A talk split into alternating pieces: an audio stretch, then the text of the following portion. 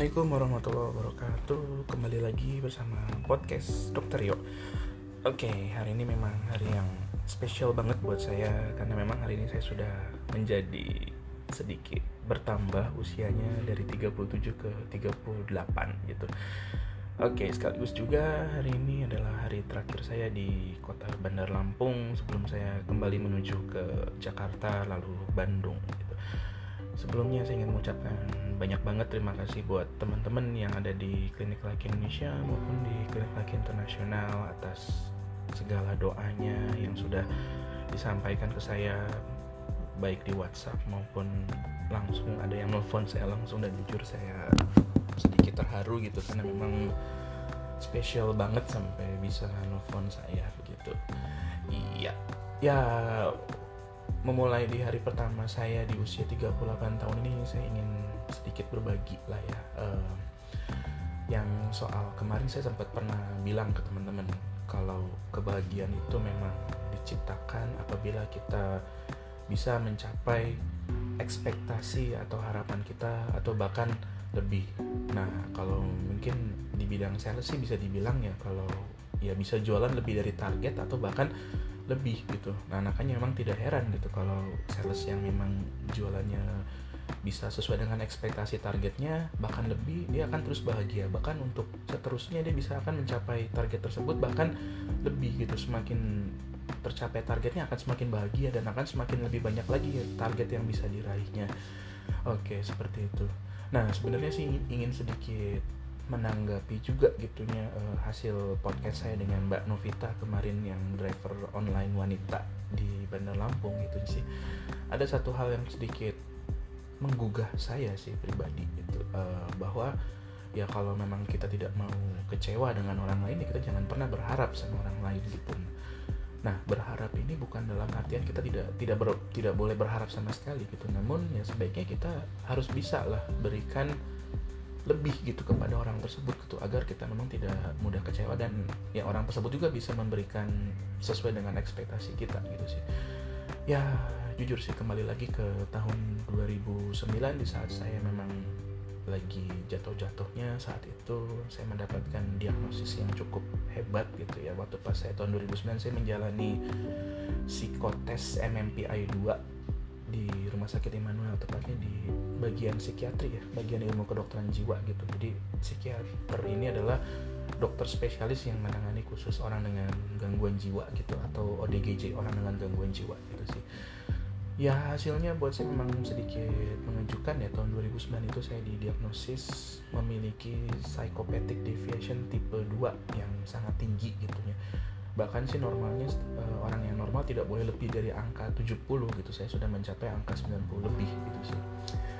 Ya boleh dibilang sih ya mungkin ini suatu bentuk kepribadian ya bukan bentuk penyakit gitu. Bahkan orang dengan psychopathic deviation yang tinggi ini bisa hidup dengan normal gitu seperti layaknya orang biasa gitu. Jadi memang ya memang bukan ini sih bukan bukan penyakit tapi memang ini adalah suatu bentuk ya personality atau karakter yang dibentuk dari masa lalu orang tersebut gitu sih. Dan bahkan ya berita buruknya memang tidak bisa diobati sih. Saya juga sempat kecewa gitu sih waktu pas saya langsung konseling selama enam bulan itu sama dengan dokter Yan Peter Togap di Manuel.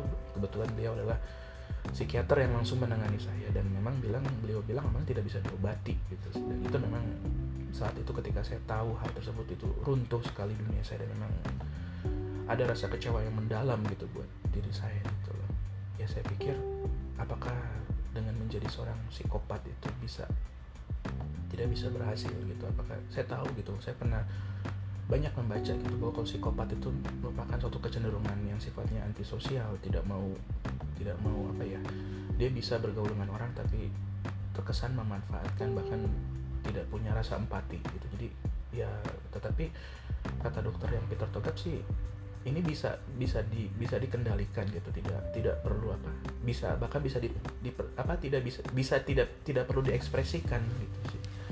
Ya alhamdulillah saya tahun 2009 saya mulai mencari solusi gitu gimana caranya saya bisa tidak bisa maksudnya bagaimana saya tidak tidak mengekspresikan gitunya karakter ini gitu dalam diri saya gitu. Walaupun saya tahu gitu karakternya sebenarnya memang sangat-sangat destruktif sekali gitu bahkan bisa membuat apa ya kekacauan gitu dan kecenderungan kalau orang memang psikopat ya memang menjadi antisosial menjadi orang yang suka berbuat kriminal gitu sih.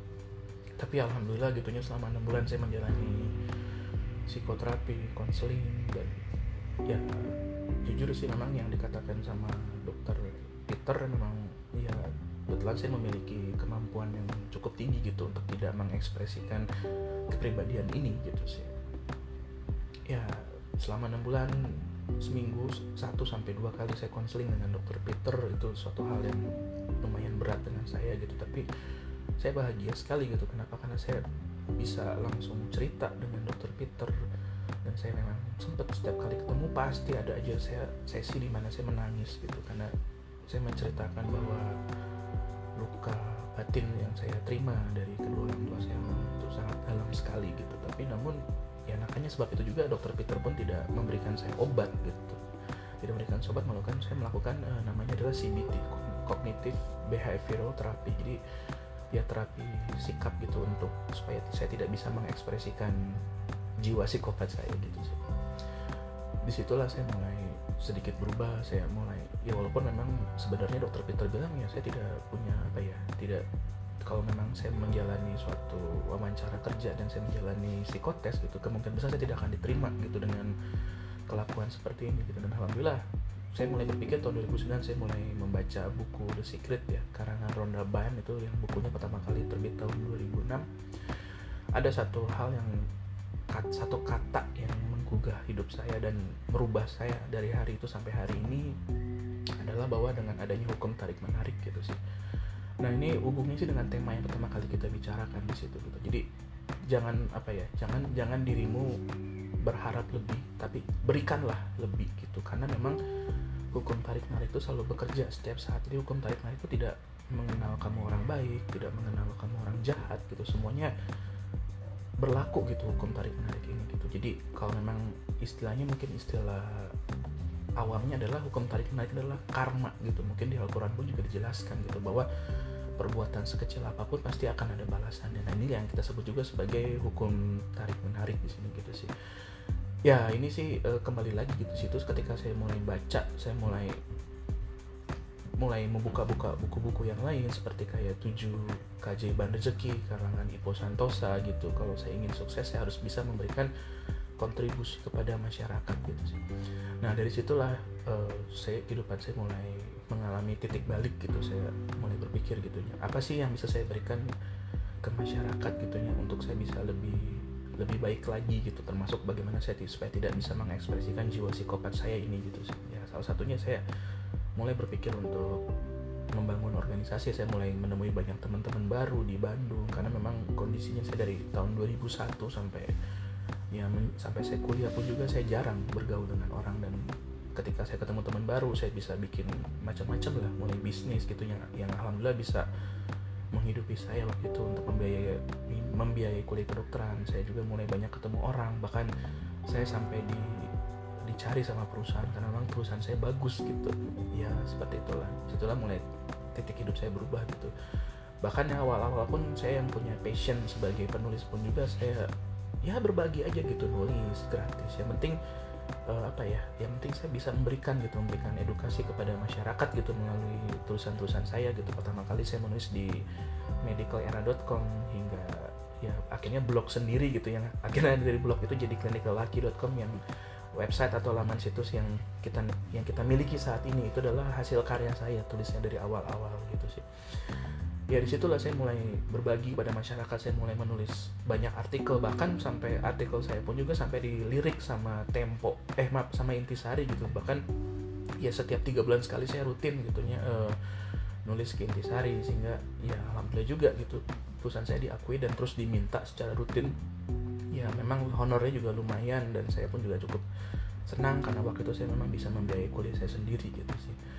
Nah jadi pada intinya hukum tarik menarik sih. Kalau anda pengen sesuatu ya anda harus bisa berikan juga sesuatu sih gitu. Ya termasuk juga ya saya mulai komitmen semua buat teman-teman semua di sini gitu ya. Memang tiga bulan terakhir ini memang jujur lumayan berat buat saya dan buat semuanya gitu yang ada di perusahaan ini. Maka saya pun juga mulai berpikir gitu apa sih yang bisa saya berikan ke buat teman-teman semua di sini di klinik laki Indonesia maupun di klinik laki internasional gitu ya. Akhirnya ya tercetus lah gitu bahwa passion saya sukanya ngajar bahkan hobi saya baca gitu. Jadi ya dibilang juga sama guru-guru saya jadi kalau kamu sudah baca ya tolong di sharing dibagikan buat teman-teman jangan disimpan sendiri gitu sih. Ya akhirnya ya saya pikir cara terbaik gitu ya bagaimana saya bisa melampiaskan kegemaran saya mengajar. Kebetulan saya juga cucu profesor gitu seorang guru gitu. Dan saya pikir saya suka ngajar bahkan saya pernah ngajar juga di Politeknik Al Islam juga selama hampir 2 tahun.